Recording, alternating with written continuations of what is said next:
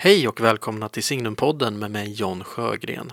En samtalspodd producerad av tidskriften Signum som rör sig högt och lågt, vitt och brett inom Signums intressesfär. Det vill säga kultur, teologi, kyrka och samhälle. Det här avsnittet gästas av författaren Torbjörn Elensky.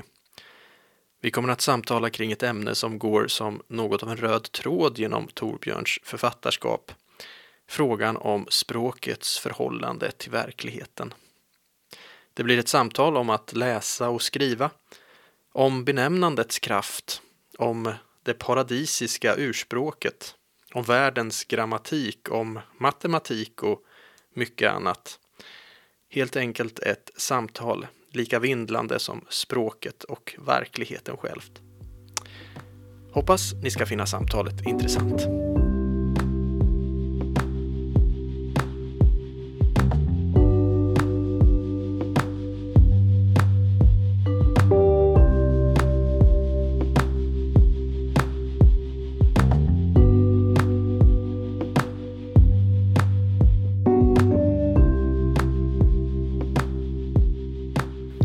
Välkommen till Signumpodden. Tackar. Torbjörn Elensky.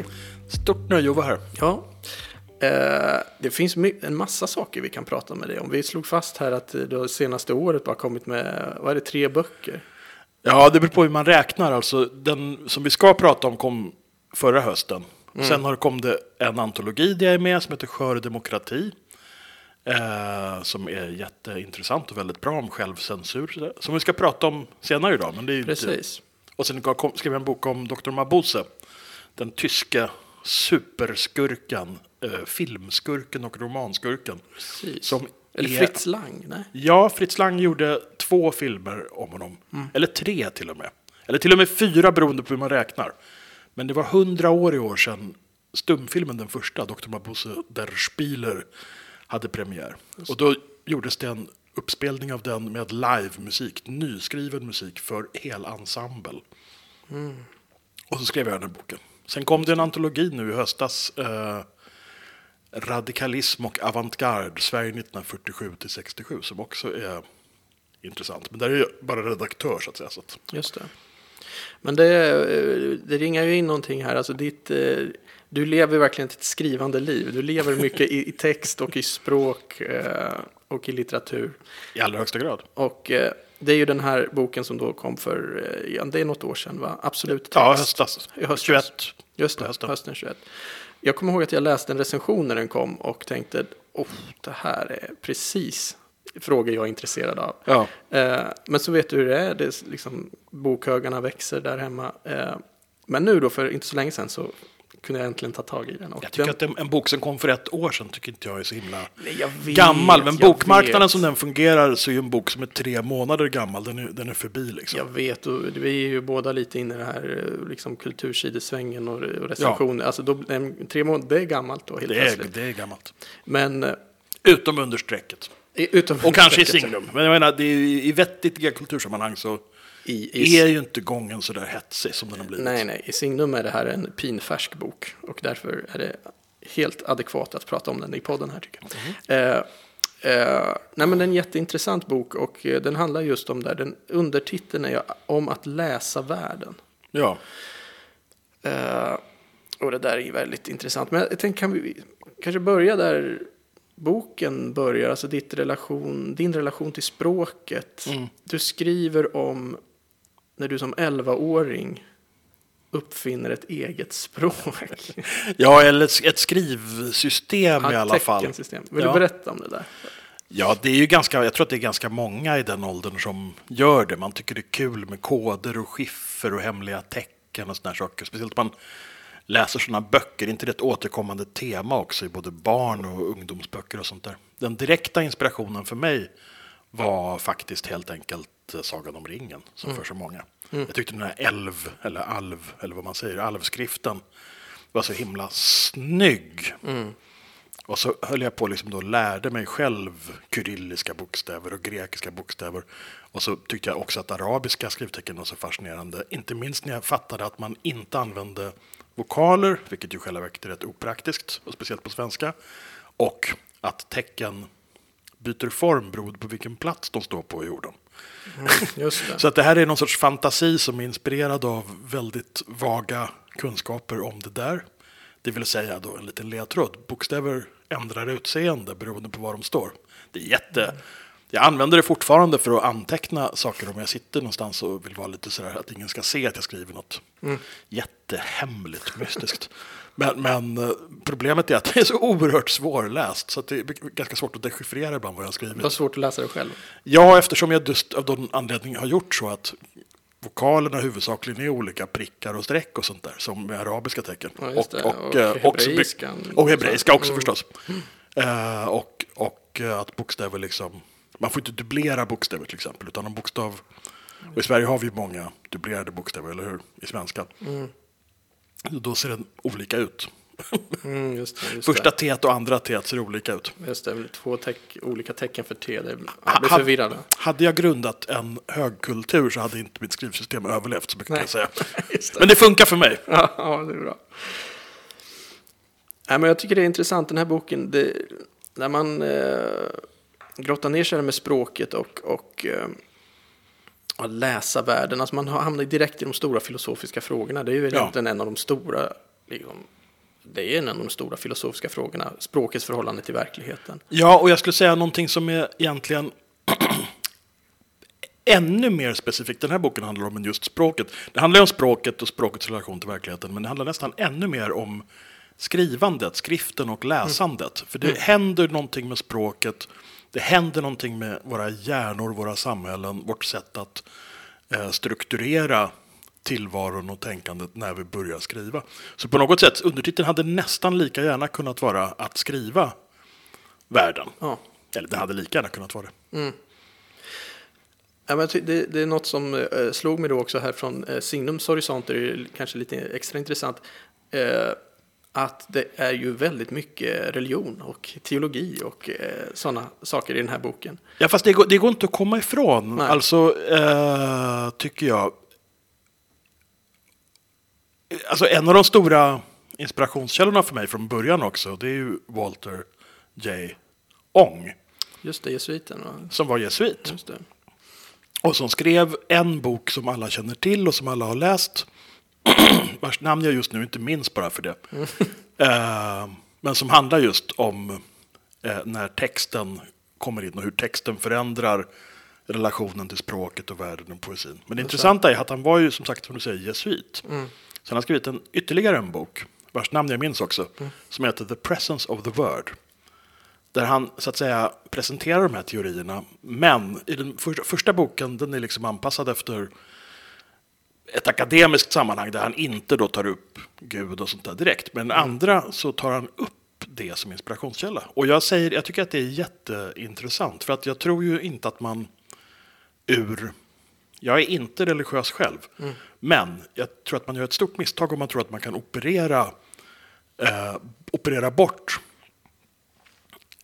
Gud som, vad ska jag kalla det för, en sorts logisk konstant i det västerländska tänkandet. För det är ju någonting, det är liksom en, en, ja vad ska man säga, en funktion. Det är liksom eh, i, i mycket tänkande fram till 1800-talet åtminstone. Mm. Jag menar, hos Leibniz är det helt centralt, det går inte att komma runt. Och naturligtvis under medeltiden och, och ännu tidigare. Men det går inte att komma förbi den här storheten storheten i logisk mening alltså. I, i, i, om man ska förstå historiskt europeiskt och västerländskt tänkande. Eh, och då tänk, först har jag en känsla av att kanske kan man egentligen inte det när man försöker förstå senare tänkande heller, vetenskapligt tänkande. Till exempel, för att bara ta ett väldigt tydligt exempel.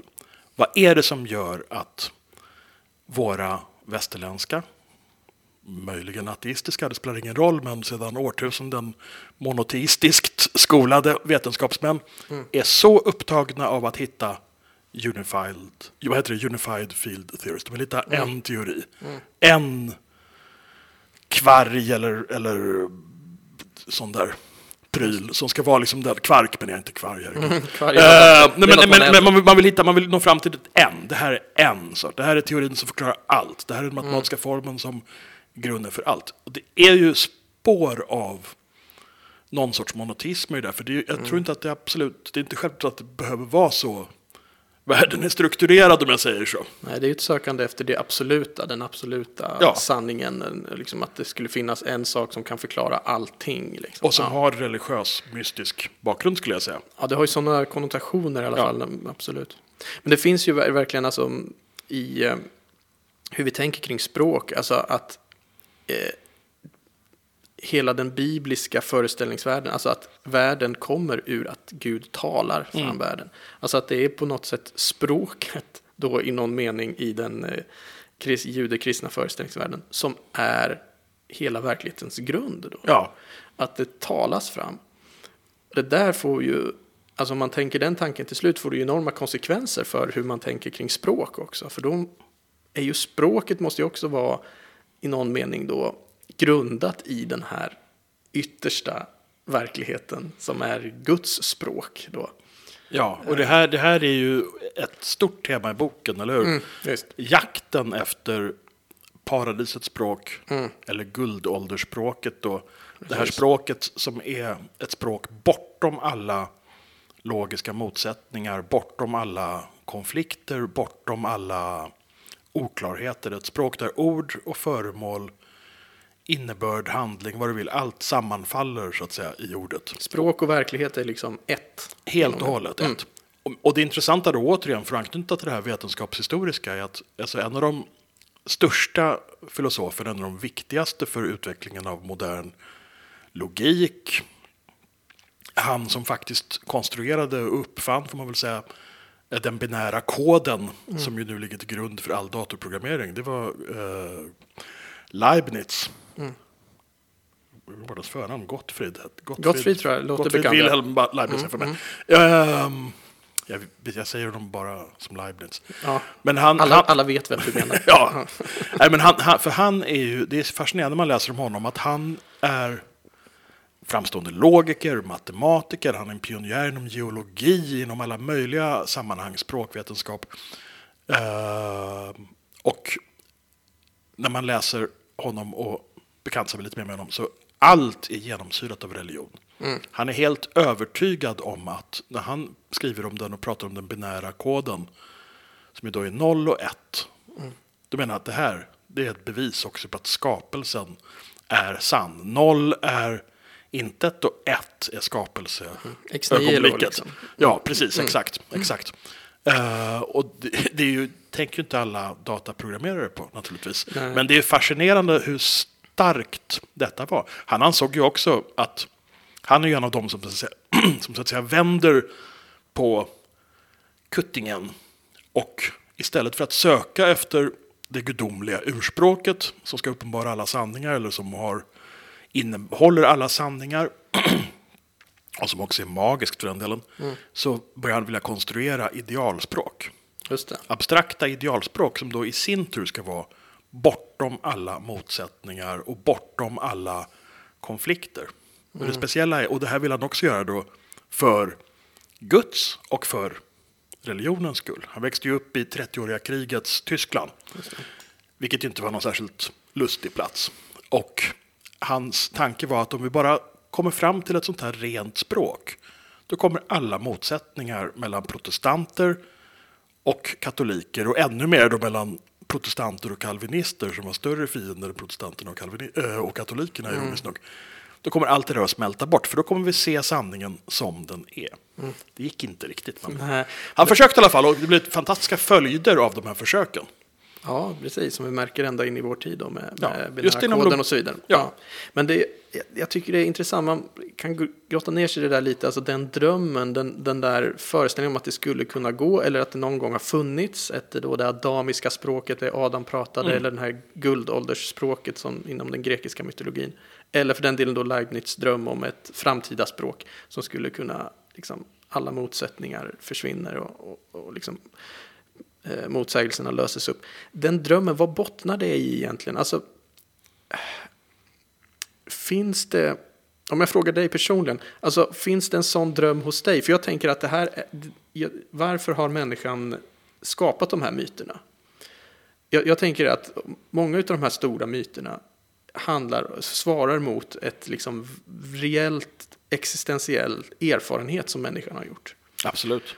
Och i det här fallet tror jag det är det här att vi upplever att språket lyckas ju inte riktigt täcka in hela verkligheten. Det finns, ja du har ett, eh, en del i boken som heter Glappet. Mm. Alltså det finns en glapp mellan språk och verklighet. Ja. Och det där kan stundtals vara faktiskt plågsamt. Eh, inte bara liksom som en intellektuell sak, utan också så här, liksom kommunikation mellan människor. Att vi pratar förbi varandra. Att Ja. vi känner att, att liksom, vi förstår kanske inte riktigt varandra. Och, eh, det där är någonting alltså, som är reellt, eh, kan vara reellt plågsamt. Alltså. Det är, det är rejält plågsamt och det är ju plågsamt vetenskapligt och intellektuellt. Men också existentiellt. jag. och fra- nästan ännu mer existentiellt. Jag vet, min- En av mina favoritförfattare, Thomas de Quincey, den här engelsmannen som skrev en opiätares bekännelse i början på 1800-talet. Han skriver i någon passage där att det värsta som finns, det tyngsta som finns för människan, det är the burden of the incommunicable. Det okommunicerbaras börda. Och jag tror att det där, är, det där är väldigt viktigt. Det kan man ju känna i direkta relationer, man vill uttrycka sina känslor. Man kanske inte ens själv förstår sina känslor helt och hållet. Och framförallt klarar man inte att formulera dem på ett sätt som kan förmedla dem på ett vettigt sätt. Det är väl då man börjar sjunga istället, antar jag. Ehm, Mm, jag tänkte vi ska poesi. komma till musiken. Ja, men man, bry, ja. man bryter igenom liksom.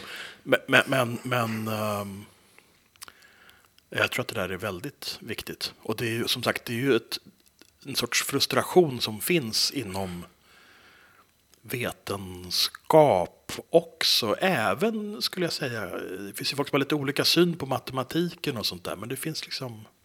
Alltså Platons grottliknelse handlar ju om det här på sätt och vis också. Så det är ju verkligen Nej. en följeslagare. Visst, jag, jag tänker att det här är en av de liksom, grundläggande mänskliga eh, erfarenheterna. Absolut. Att det finns, att vi inte kommer åt verkligheten riktigt. Eh, men hur, du som skrivande människa, för jag kan känna det också själv då som, som eh, läser och skriver mycket, Ja. att på ett sätt är det därför man håller på. Absolut. För att komma så nära som möjligt. Absolut, absolut. Eh, För, för det jag kan ibland vända mig mot, det, det är liksom det här när, och, och det är i och för sig intressant, det är väldigt mycket religiösa tänkare, men det är nästan ingen tar inte alls upp det här liksom poststrukturalistiska, strukturalistiska traditionen. ju. Nej, och, nej och, och det beror ju bland annat på att alltså, dels skulle det ta för mycket plats. Ja. Fast det roliga är att Viktor Malm som gjorde någonstans samtal med mig på Rönnells när boken kom då. Ja. Han sa innan att ja, men det här, det här är ju som, det här är ju, här finns det ju spår av Derrida i det där. Mm. Men problemet med det där är de- dels att det blir väldigt komplicerat och ytterligare. Ja, och, sen.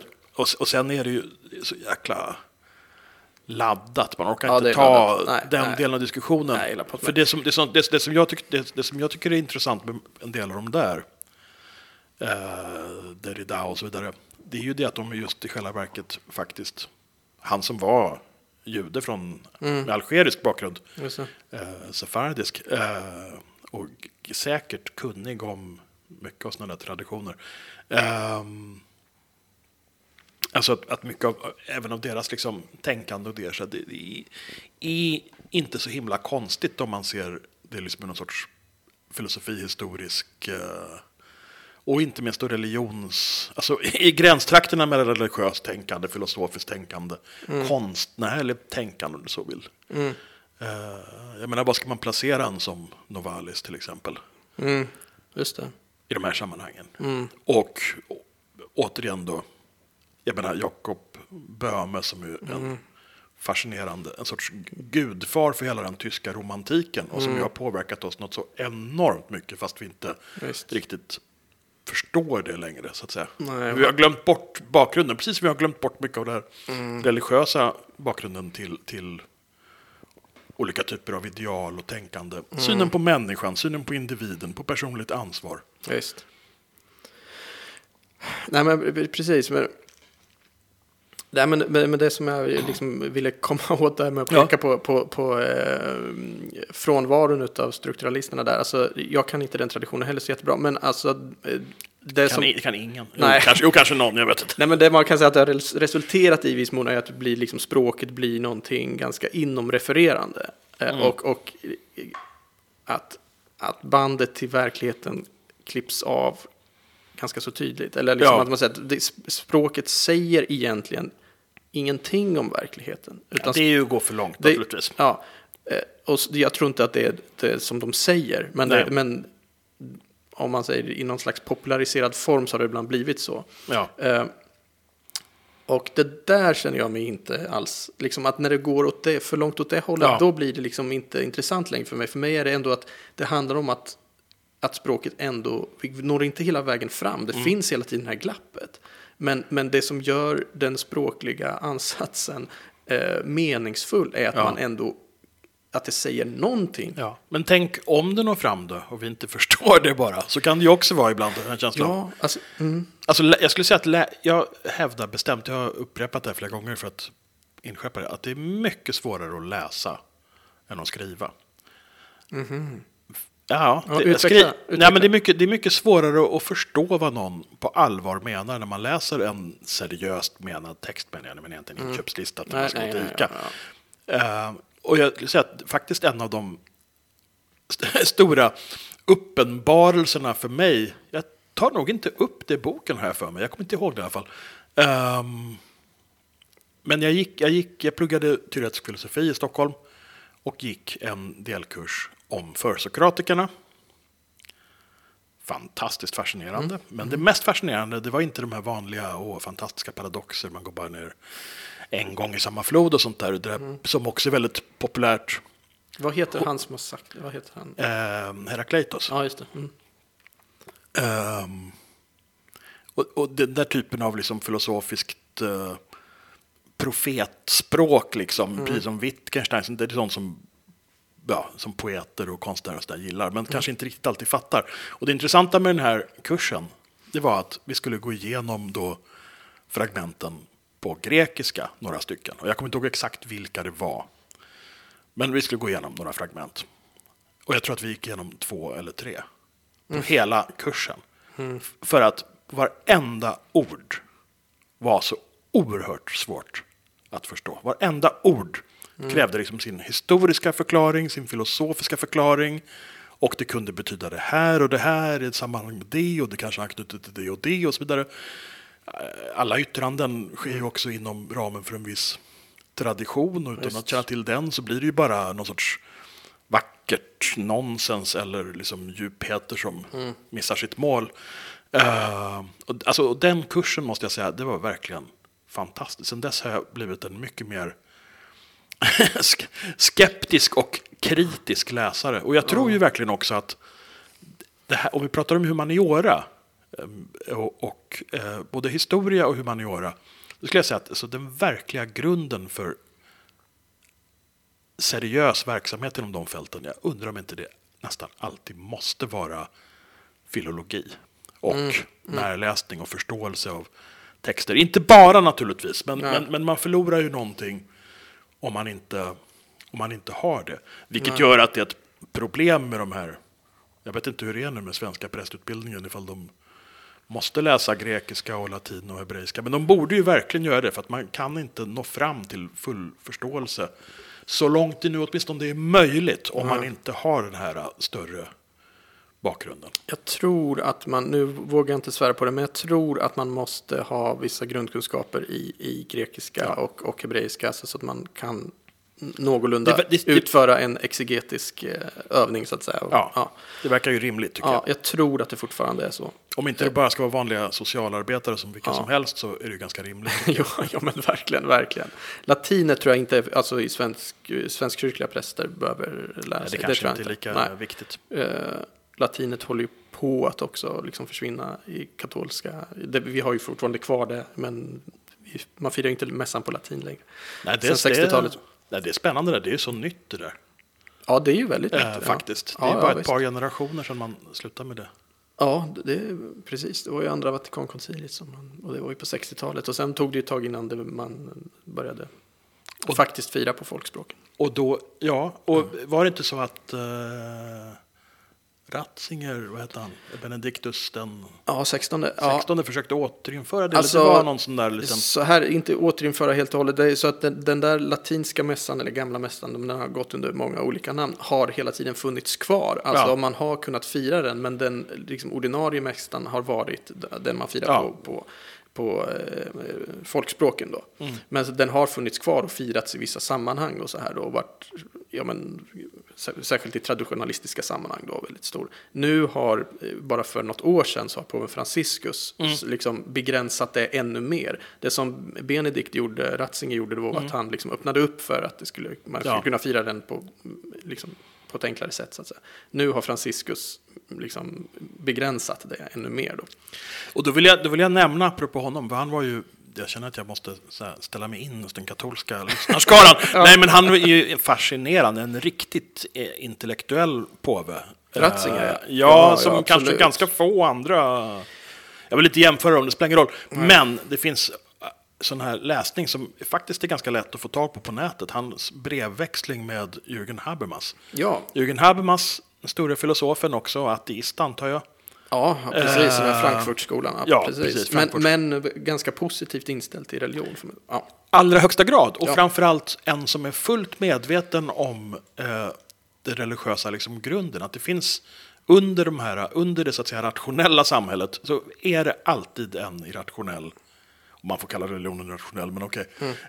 en grund som är för rationell. Liksom. Absolut, det är absolut. mycket, mycket intressant. För börjar man, börjar man Eh, Det kommer ju också upp en del i boken, men det är också någonting som påverkar mig när jag skriver om andra saker och som jag har liksom i bakhuvudet. Och också när man försöker förstå eh, dagsaktuella politiska förhållanden i, i främmande kulturer. Då är det alltid svårt att, naturligtvis om man inte kan språk och sådär så är det svårt att förstå allt som händer. Men man kan få en annan känsla om man inser att ja, det här eh, liberal västerländsk demokrati, det är visserligen bäst. Men det är inte så att det är per automatik universellt, utan det är någonting som faktiskt har utvecklats här. Och dessvärre måste jag säga mer i protestantiska delar av, av länderna än, än katolska. Absolut. Fast det är inte så lätt att dela upp det heller. Nej, då, det ju, man kan ju säga alltså de liberala, den liberala traditionen springer ju precis som nästan alla politiska ur, ur kristna Mm. Ja. tankegå, ur Ja. tankegods. Oj, återigen, jag måste, måste rätta mig lite där, för det finns ju en jätteviktig och jätteintressant, och här rätt ofta bortglömd tradition från, inte minst Italien också, från alla de här stadsstaterna som faktiskt utvecklar en hög grad av eh, medborgarskapskänsla och sånt, fast det är mycket Visst, mindre visst. skala än vi tänker oss än i nationalstaterna. Liksom. Ja, men det var eh, intressant. Jag tar fasta på en sak du sa, den här eh, logiska grunden. Ja. Eh, för att eh, vi har ju då som, som sagt i den bibliska traditionen, om vi går tillbaka till det hebreiska, Gud eh, talar fram världen, Mm. springer ur språket. Men sen har vi ju då Johannes evangeliet, Ja. prologen i Johannes evangeliet, där Johannes liksom grekifierar det här Ja. och säger att i begynnelsen var ordet. Ja. Det låter ju i vår, apropå översättningar och så vidare. Det låter ungefär som att det är samma sak som, som i det hebreiska. Men Mm. det, det grekiska ordet här är ju logos. Eh, som ju egentligen, ja visst, vi- det kan man översätta med ordet. Men logos är ju ett, ett mycket, mycket bredare eh, begrepp i den grekiska tankevärlden. Som ju, ja det är vårt ord logik springer därifrån Mm. och, och ändelsen till våra, många av våra vetenskaper, psykologi, Ja, biologi ja. och så vidare.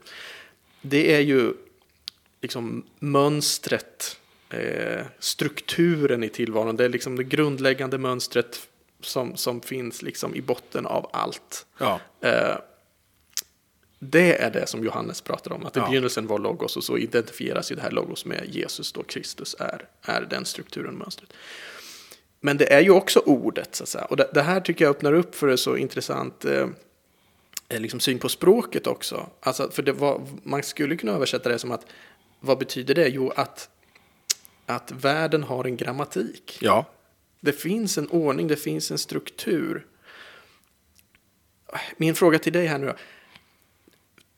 Tänker du att språkets liksom struktur har en koppling till det här logos? Alltså, är det en s- speglar det i någon mening liksom verklighetens ordning? Förstår du frågan eller är den för abstrakt? Alltså, Alltså, nej, jag förstår precis frågan. Eh, Och jag ser att logos är ju paradexempel på den typen av ord som man skulle kunnat fastna på i en tre timmar lång föreläsning när jag Verkligen. läste Försokratikerna.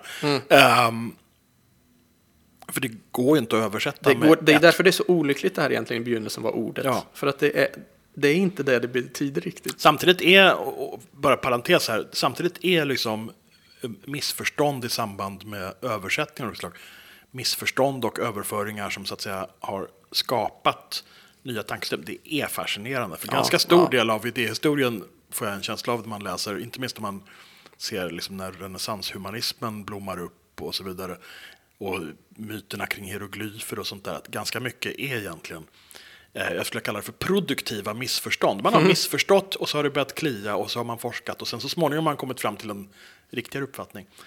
Men nu skulle jag komma tillbaka till din fråga, vilket inte var det lättaste. Eh, det ju, ja, om språket speglar verkligheten. Alltså det där, det där, det där är... um, eh, alltså... Det, det, är svårt att uttala sig definitivt om det utan att hamna i antingen någon sorts uh, naiv realism eller postmodern total upplösning. Jag skulle säga att det är lite både och och lite hit och dit. Eh, vissa typer av språk speglar faktiskt verkligheten.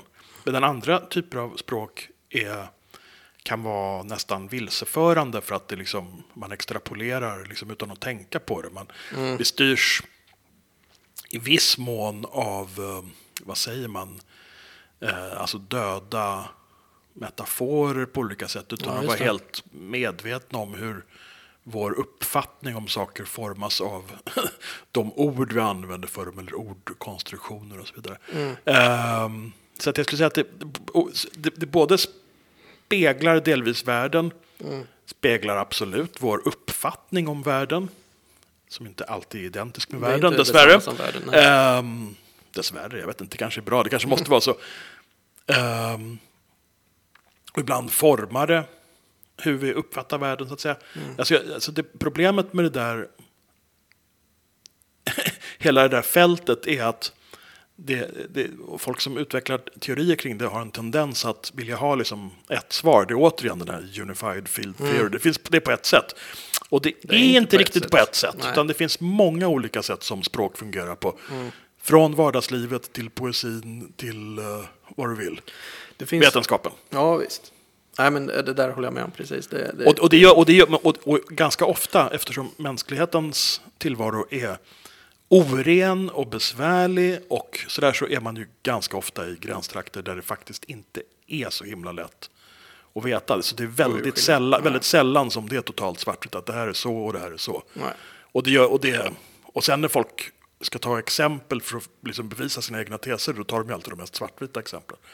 Det här gäller ju ja. många, många, många Ja, ja, andra ja. områden också. Politiska diskussioner och vad du Ja, vill. men det är en Liksom. slags retoriskt grepp att göra så. på det. Ja, som är fördummande tyvärr. Ja, det är det. Nej, men det finns ju, det, precis som du är inne på, det finns olika typer av språk. Men du är, du är inne och snuddar lite i boken på matematiken som ett språk också. Ja. Och där vet, det finns ju olika uppfattningar. Alltså, Ja. är, är matematiken någonting vi har upptäckt som, som verkligen finns? Alltså, det, verkligheten är matematik. Precis. Eller är det ett språk, språk som, som vi uppfinner? Så att säga. Och eh, ja, det ute på lite gungfly här för jag kan verkligen inte matematik. Men det där är ändå en, det går in i det här språkliga. alltså, det för att- går absolut matematik är ju utan tvekan ett språk. Alltså ett, ett av målen då för exempelvis Leibniz, eh, när han vill skapa sitt absolut rena språk, så är det ju egentligen ett matematiskt språk han vill Mm, skapa. det. För att han tänker sig just att matematiken är, den är absolut ren, den är absolut sann, det är bortom diskussion. Och det är det kanske. Alltså det fascinerande med matematik är väl att det är, det är ett universum. Och vare sig vi upptäcker, avtäcker eller uppfinner matematiken liksom, efterhand så är det ju uppenbarligen så att det här är, det, det, det styrs av regler som inte är bundna språkligt eller kulturellt. Utan om en kinesisk eller en chilensk eller en svensk matematiker Eller en indisk för den delen. Det är ju en av de stora matematiknationerna i, i världshistorien, i, intressant nog. Ehm, men jobbar man med samma problem så vågar jag påstå att man kommer fram till absolut i princip samma svar. Och det här är också en väldigt viktig skillnad eftersom vi pratade tidigare om logos, ordet. Inom matematiken, även om man säkert kan komma fram till olika svar med olika lösningar. Och det, jag, det, jag kan inte matematik alls, på, Nej. framförallt inte på en sån nivå att det, liksom, jag kan förstå allt sånt där. Men som jag har förstått saken så är ju en viktig skillnad att matematiken åtminstone är helt översättbar så att säga. Ja, utan meningsförlust. För språket är det ju alltid så att det sker, återigen, det beror på om det är en inköpslista eller en dikt. Men det, det finns alltid risk för och förekommer i princip nästan alltid någon typ av meningsförlust eller meningsförskjutning när man översätter mellan olika språk. Men i matematiken så, så är det inte så. Och två matematiker som inte kan prata med varandra de kan förstå samma problem och räkna ut det på samma sätt. Man har samma... Så att det finns någonting i matematiken som, som är väldigt säreget i själva verket. Och det tyder väl på, om man ska vara sån, att eh, någonting i matematiken har ett djupare förhållande, eh, ligger närmare verkligheten än, än vad våra språk gör. St- Verklighetens struktur alltså. Ja, precis, precis. Det, det, ja, jag kan inte matematiken heller. För, Nej, jag säger kan allt det här med massor av förbehåll och Ja, brasklappar ja. så att säga. Så att, Ja, men, jag men det är i alla fall får- den känslan man får. Liksom. Ja, jag får bjuda in en matematiker till podden och reda ut det här. Nej, men eh, vår, vår, Det är intressant. Det är jätteintressant. Jag, det här liksom uppenbarades för mig lite när vår eh, gemensamma bekanta eh, Christer Sturmark Mm. till mig sa att han kallar sig för eh, matematisk platonist. Ja, ja. Och då men, menar att, jag, jag tror att, om jag förstår honom rätt, eh, att det finns liksom aspekter av matematiken som man kan se som liksom konstruktioner, men att det finns, till exempel det här med primtal, det är, det är någonting som finns, alltså ja. helt Men i oavhängigt. idévärlden liksom. Precis, det är det i i en slags, liksom. ja. i en slags transcendent eh, liksom, mening. Ja. Eh, och då är ju liksom matematiken i- ur den aspekten då, alltså någonting som vi har upptäckt. Mm. Som, in, som inte är liksom, det är ett slags språk som finns. ja. Absolut. det är en otroligt spännande tanke. Ja, det är extremt spännande. Och då är ju liksom... Eh, eh, alltså, det finns ju mystik som är förbunden med matematik också, eller hur? Alltså språkmystik och ordmystik och mystik som går in på själva teckennivån, inte minst kring hebreiska tecken. eh, Är ju, det finns ju också så att säga, matematiska, Man kan numerologiska till, aspekter. Precis, man kan översätta det till nummer och så här. Ja. Mm, precis. sen är det ju verkligen vanskligt det där. Jag kommer ihåg att jag läste och recenserade en bok för uh, 20 år sedan tror jag.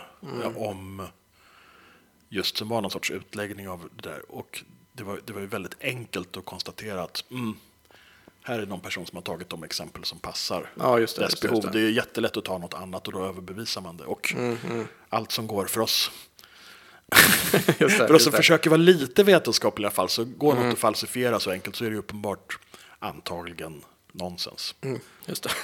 Och det är därför vill jag inflika här att jag tycker att den katolska synen på text och på Bibeln och dess relation till verkligheten och traditionen är mycket intressant. Och jag tror att det är på grund av den inställningen som en sån jesuit som Ong kan skriva så intressant om det här. För texten, Bibeln då, om man så vill, i hans fall, i det här fallet, är en levande materia. Den är inte heller absolut, utan liksom... Nej, den är inte oavslutad utan den måste hela tiden tolkas. Det ironiska när vi pratar om latin och sånt är att när man översätter Bibeln till latin, då är det ju själva verket för att det var folkspråket. Ja visst, ja, visst. Sen blev det det lärda språket. Ja, sen blev det så- lärda språk, ja, men det tog ja. eh, ett antal hundra eller tusen Visst, år. Liksom. Jag skulle gissa att eh, den, det latinet var antagligen, för det är inte så svårt latin om jag uttrycker mig så. Mm. Det, det, om man kan italienska så kan man ju i ganska hög grad förstå eh, medeltidslatin. Sådär, Just det. liksom. det är inte så himla krångligt som klassiskt latin där allting är mysko. Eh, så jag antar att ganska många förstod det bättre än vi tänker oss ganska långt fram i tiden. Latin var ju förresten helt apropå, jag älskar sådana här knäppkuriosa, det var ju österrikisk, alltså tysk-romerska kejsardömets officiella språk. Ja, Ända in på ja, just det. 1800-talet. Ja, just det. De Just hade det. fast någonting som kallas för husarlatin som man använde då i gränstrakterna till Rumänien och de här områdena där folk inte riktigt kunde tyska och sådär. Men pratade man det då? Alltså, Jag tror inte man pratade. Nej, Det, det var bara det, det var bara ett, ett officiellt språk, ungefär så som rätoromanska är det. ett av Schweiz officiella språk. Just det, men det är i och för sig pratas väl av en procent, men ändå. Ja, det. Ja, nej, men om vi återgår till det här med alltså, eh, glappet och eh, liksom glappet mellan språket och verkligheten. Eller är, är liksom, hur nära är språket verkligheten? Jag- kan uppleva ett slags både och där. Alltså att det, å ena sidan så kan jag känna att jo, men det, är, det, är, ett, det är ett glapp här som, som gör att språket kommer aldrig helt åt verkligheten. Samtidigt kan jag uppleva att det finns någon, en, ibland i, i vissa fall en närmast liksom mystik ett förhållande mellan språk och verklighet där det verkligen korrelerar och, och är någonting att det här, det här ordet säger någonting om det här tingets eller den här personens liksom innersta identitet där det verkligen är ett starkt band. Eh, och jag tänker vi jag kan återvända då till där vi började med tolken Ja, eh, som jag har ägnat mig mycket åt. Och där finns ju eh, närmast den här föreställningen om det här guldåldersspråket kvar i viss mening. Särskilt vad gäller liksom personnamn där. Ja. Att, att eh, ja, men det är nå- liksom i början på Bilbo där när Gandalf eh, introducerar sig Ja. själv och säger liksom, Gandalf det är, det är jag. Liksom. Ja. Alltså, att, eh, jag känner inte till ditt namn, jo men du vet vem jag är, jag är Gandalf och Gandalf är jag. Alltså det är någonting, där, där finns det att där i, i personnamnen så sammansmälter liksom ordet, själva teckenkombinationen, liksom Gandalf med hans djupaste innersta identitet. De är ett liksom. Och, och in, i, jag kan känna att när jag läser det där så är det så rätt. Liksom. Och, och det är ju eh, säkert, finns det kristna spår där, men det är också djupt betydelsefullt i judisk mystik. Visst. Och som går så långt fram att det påverkar även Freud som på något tillfälle, vid något tillfälle, något sammanhang säger eller skriver att inget förbinder människan så starkt vid språket som hennes namn. Nej. Och språket, verkligheten. Men, och det, dessutom, dessutom så är det ju, som du säkert känner till, det är ju helt centralt i eh, sån här kabbalistisk meditation som Gershom Scholem till exempel skrivit fullkomligt fantastiskt om. Eh, att meditera över ord och förstå ord. Och sitta och tänka över ord, liksom göra här permutationer där man flyttar bokstäver. Och så sitta och sitta och sitta och sitta. Tills man blir upplyst. Just det. Av själva ordet. då. Ja, och då återigen för att vara sådär lite kaliforniskt svepande så är det ju något, nästan något zenaktigt i det där. Att man ska bara liksom tänka på någonting. Man ska sitta och koncentrera sig på någonting som man inte förstår och som är, kan verka meningslöst och som kanske är tråkigt. Och när det är riktigt tråkigt då ska man hålla på lite till. Och så till slut så kommer man få ehm, upplysning, man kommer få insikt. Jag kommer inte ihåg vad det heter nu i buddhistiska sammanhang. Men... Uh, nej. Ja, det, Ja, det spelar- spelar ingen upplysning. Ja. ja, nej men det där är... Ja, nej men för det, det Och, det, och jag tror att överhuvudtaget det här är, jag tänker det ibland när man läser om så här, ja man kan ha en app för mindfulness och sånt där. Mm. Det är fullkomligt vansinne. Man skulle väl, kan väl sitta alldeles själv och koncentrera sig istället och tänka på någonting, koncentrera sig på någonting, försöka förstå någonting. Mm. Man kan till och med sitta, jag brukar när jag har tråkigt på tunnelbanan, numera är dessvärre även jag en slav under den här telefonen så jag brukar sitta och läsa på den. Men tidigare när jag hade tråkigt på tunnelbanan och rastlöst, då brukade jag göra såna här, du vet, ta ord ur reklamen och så flytta om bokstäverna och se hur många andra ord jag kunde få fram. Ja. Jätteskönt, tiden gick jättefort. Ja, alltså. det är en bra idé. Kanske inte direkt någon mystisk meditation, men som tidsfördriv helt okej. Jag vet inte vad det heter för någonting, men det är ju ett Nej, lek nej. också man kan göra. Ja. ja men jag har också ett sånt här exempel på, på alltså, hur namn kan eh, liksom är så starkt kopplat till verkligheten. Alltså det här eh, en upplevelse från barndomen. Min, min mamma heter Bibi. Ja, Numera heter hon också det. Eh, och fram tills jag var åtta eller nio år så var jag övertygad om att hon, hon heter Bibi. Jag har lärt mig hennes namn. Det är otroligt centralt också. Sin, Ens mammas namn. Liksom. Verkligen. Närmaste anknytningspersonen. Hon, hon är ju liksom mamma Bibi. Ja. Och sen en dag så hittade jag hennes körkort på, på köksbordet. Och så står det Britt-Marie Sjögren. ja. Herregud. jag, frå- va- jag, frå- vem är Britt? Varför står det Britt-Marie på ditt, eh, på ditt körkort? Hur gammal var du då? Jag är åtta eller nio år. Herregud alltså. Och hon säger, men jag heter det.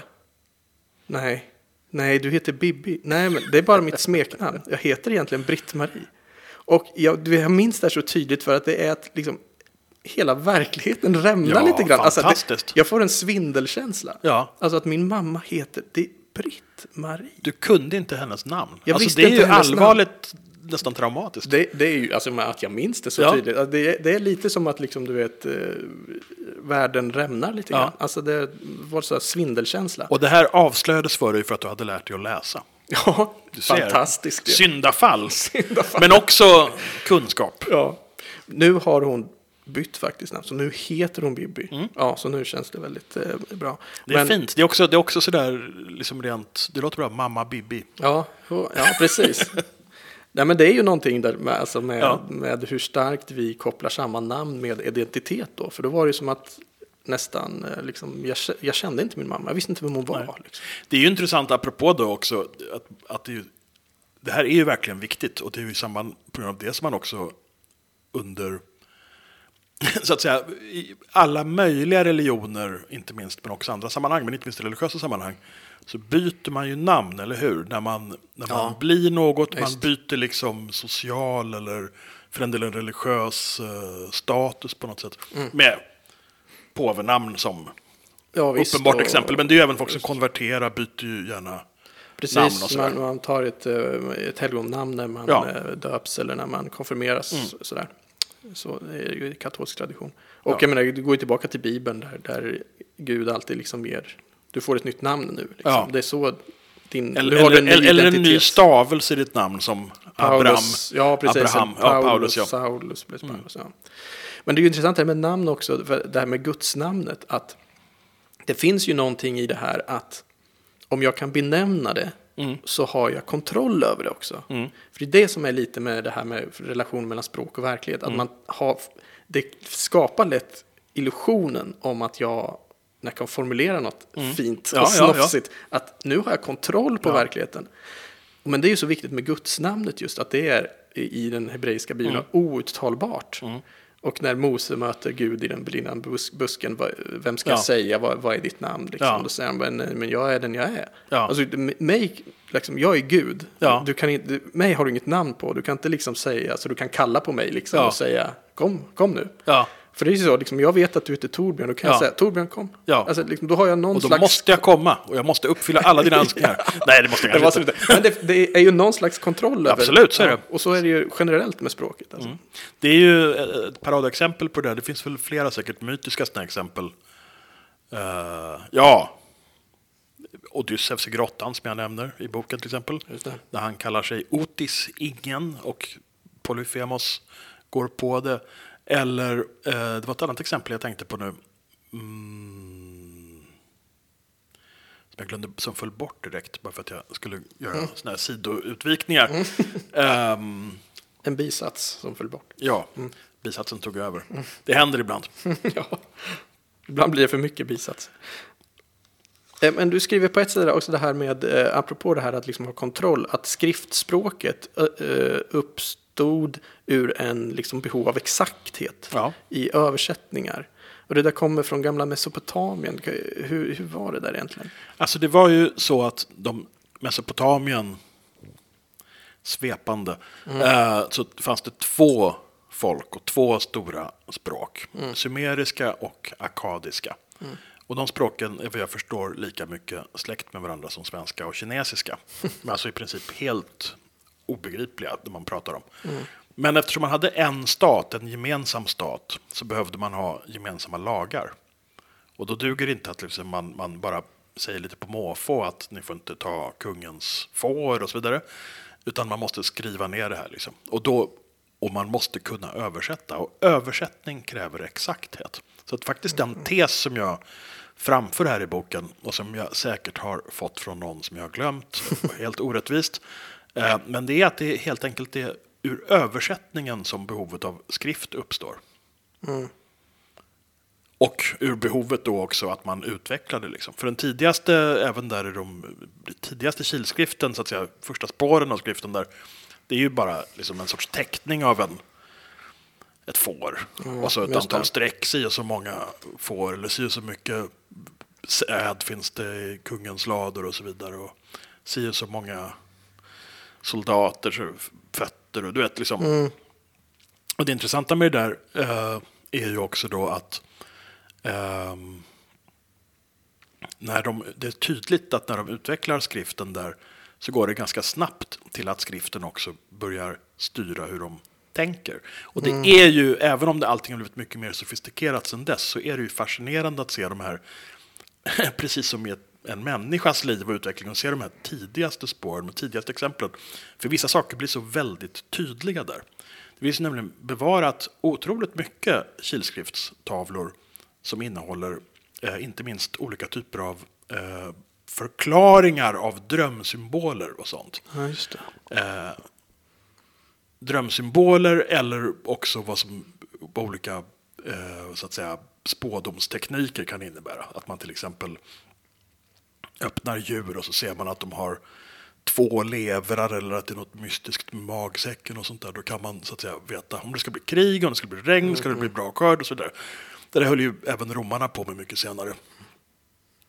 Och många folk har hållit på med det, att man slaktar djur och då kan man se liksom på inälvorna, spå utifrån hur de ligger och så vidare i framtiden.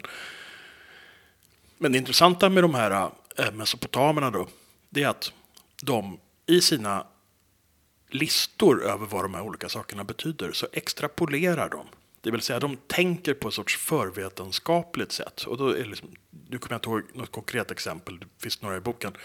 Eh, det kan till exempel vara så, okej, slaktar man en get och den har en mjälte, då är allt normalt. Har den två mjältar, då ska ditt eller datt hända.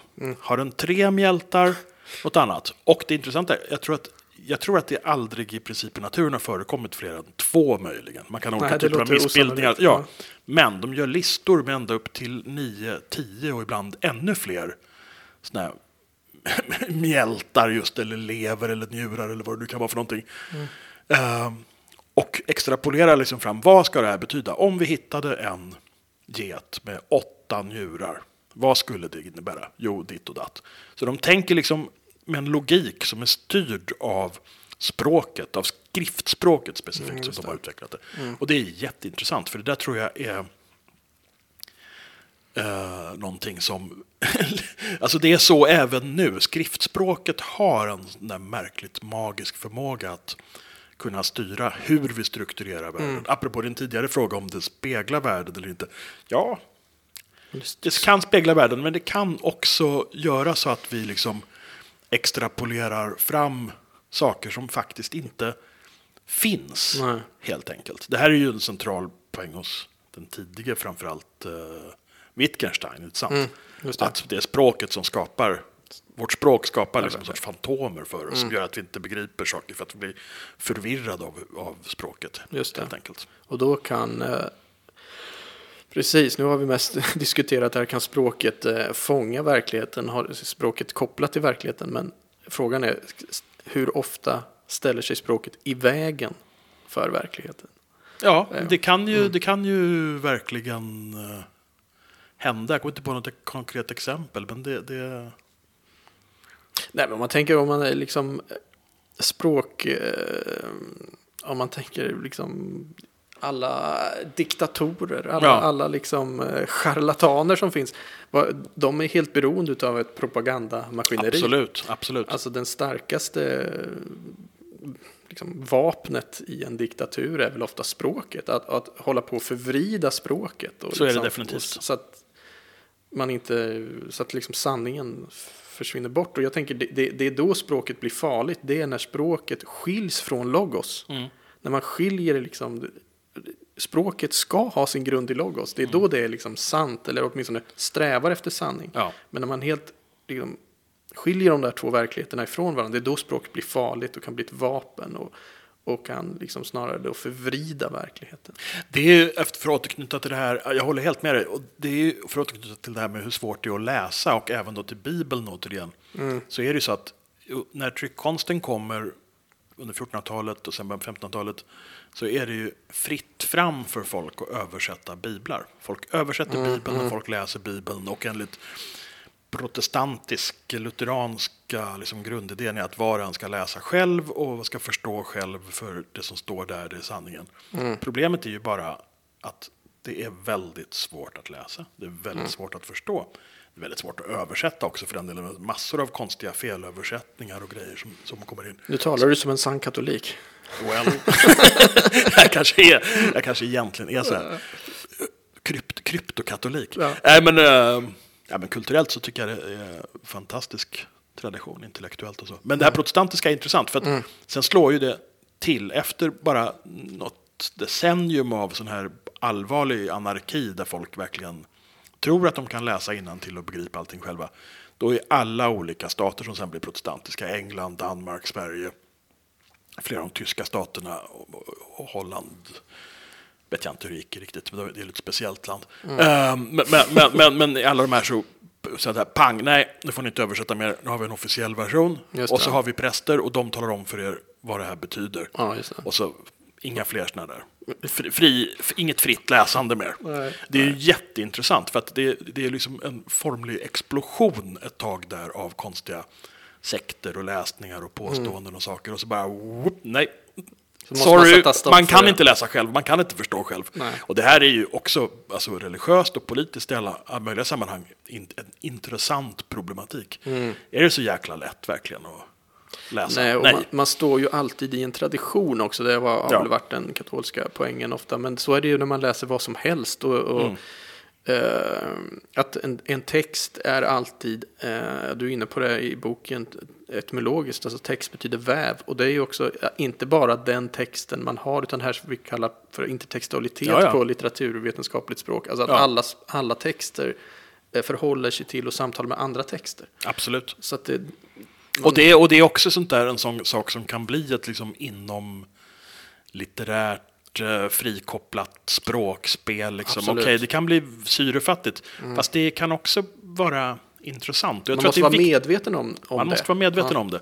Men det är som med språket generellt. Där. Jag tror att man måste, man måste liksom inse att någonstans så bottnar allting i kött. För ordet blev ju, ja. eller hur, kött bokstavligt talat. Visst. Och det, är, det tror jag är någonting som är viktigt överhuvudtaget när det gäller teoretiska, ideologiska mm. och så vidare uppfattningar av världen. Verkligheten finns och den mm. består av sten och gräs och kött och hus och väder och vind och saker. Och om man börjar utveckla teorier som är liksom helt frikopplade från det, då blir man mm.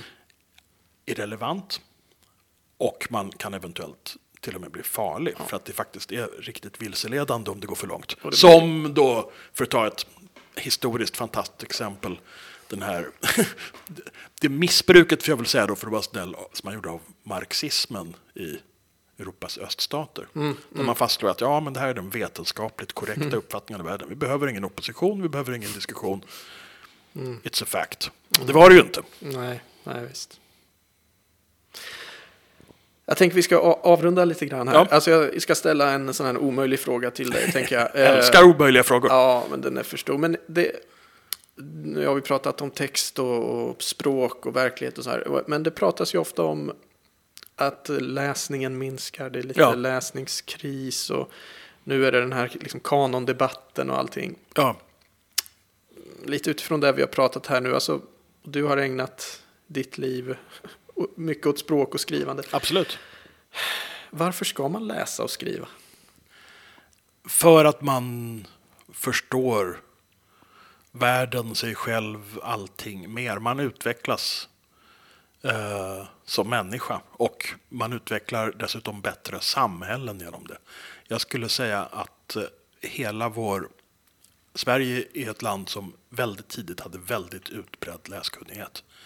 Redan omkring sekelskiftet 1800 så var, liksom, handlade det om uppemot 100 procent som hade i alla fall kunde läsa på en grundläggande funktionell nivå. Sen kanske de inte kunde läsa väldigt avancerade texter och så vidare. Men dock så la man grunden där. Det tog flera hundra år. Det hänger tyvärr, jag är ledsen att säga, ihop med protestantismen också. Jag- jag tänkte- Katolska länder ligger efter i den utvecklingen. Jag tänkte säga, där, där har vi det goda med de här bibelöversättningarna. Exakt. Kom, Fo- folk började kunna Ja, läsa. och Så det goda med de här ja. förkättrade katekesförhören och så vidare. Visst, för, att, visst. för att det är ju trots allt någonting som redan under 1600-talet lägger grund för den utbredda kunnigheten. För att svenska torpare kunde via prästyrket då klättra upp liksom till Ja. ja, samhällets högsta nivåer, i en del fall till och med. Och lägger grunden för att folkskolan blir en självklarhet och så småningom så nioårig då skola för alla. Mm. Vilket är senare än vi tror, för det är väl från 50-60-talet först det. På allvar kommer. Ja, men det är bra att du lyfter fram det så det inte bara blir eh, protestantisk Nej, nej, nej, eh, nej, nej, bashing nej, här. nej, nej, nej, nej, nej. nej men det, det, det är jätteintressant. Jag har faktiskt skrivit en artikel nyss om läsning och också, jag tror att kopplingen mellan läsning, demokrati, teknisk och ekonomisk utveckling och så vidare, den, det, det är väldigt, väldigt viktigt. I Italien, som ju är ett katolskt land, genomsyrat av katolicism på alla möjliga sätt, men också av andra konstiga, liksom nästan antika föreställningar på en del håll. Det är underbart. Nu kommer en parentes här. Det är underbart att besöka till exempel Neapel. Det känns som att resa 2000 år bakåt i tiden. Ja, Det är så det. jäkla myskostad. Alltså. Fantastisk.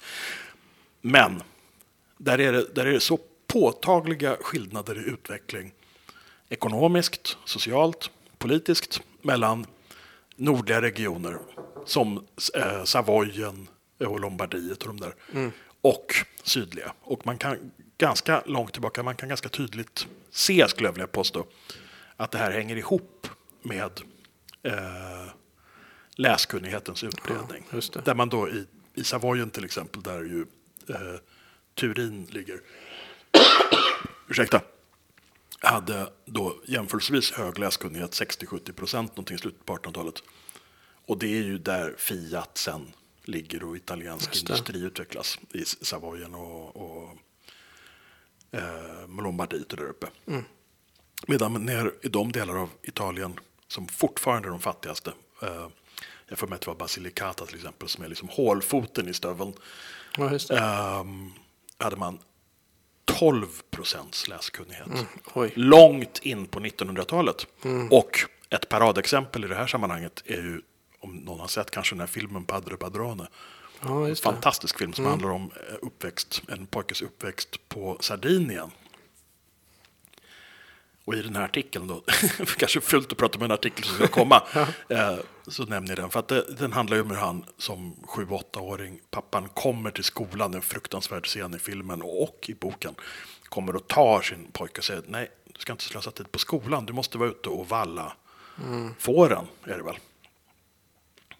Och sen handlar ju filmen och boken, som är självbiografisk, om hans kamp för att lära sig läsa och skriva. Och det gör han när han är i 20-årsåldern först. Och det är slutet av 50-talet. Oj. Och den här mannen, han lever fortfarande. Fantastiskt. Så i Italien kan man verkligen följa det här väldigt, väldigt tydligt. Och sen blir ju problemen större när man kommer hmm, söder och öster om Medelhavet. Det och det hänger definitivt ihop med demokrati, med, med den politiska och även religiösa och så vidare bristen på utveckling där. Vart, vart kommer den här artikeln? I Access, Access. numret som kommer jag tror nästa vecka till och med. Okej, ja, bra. Jag säger tack till dig, Torbjörn Elensky, Tack själv! för att du gästade Signumpodden, detta mycket intressanta samtal. Det gör jag gärna, många gånger till. Fint. Och tack alla ni som har lyssnat och lyssna gärna på oss igen i nästa avsnitt. Hej så länge.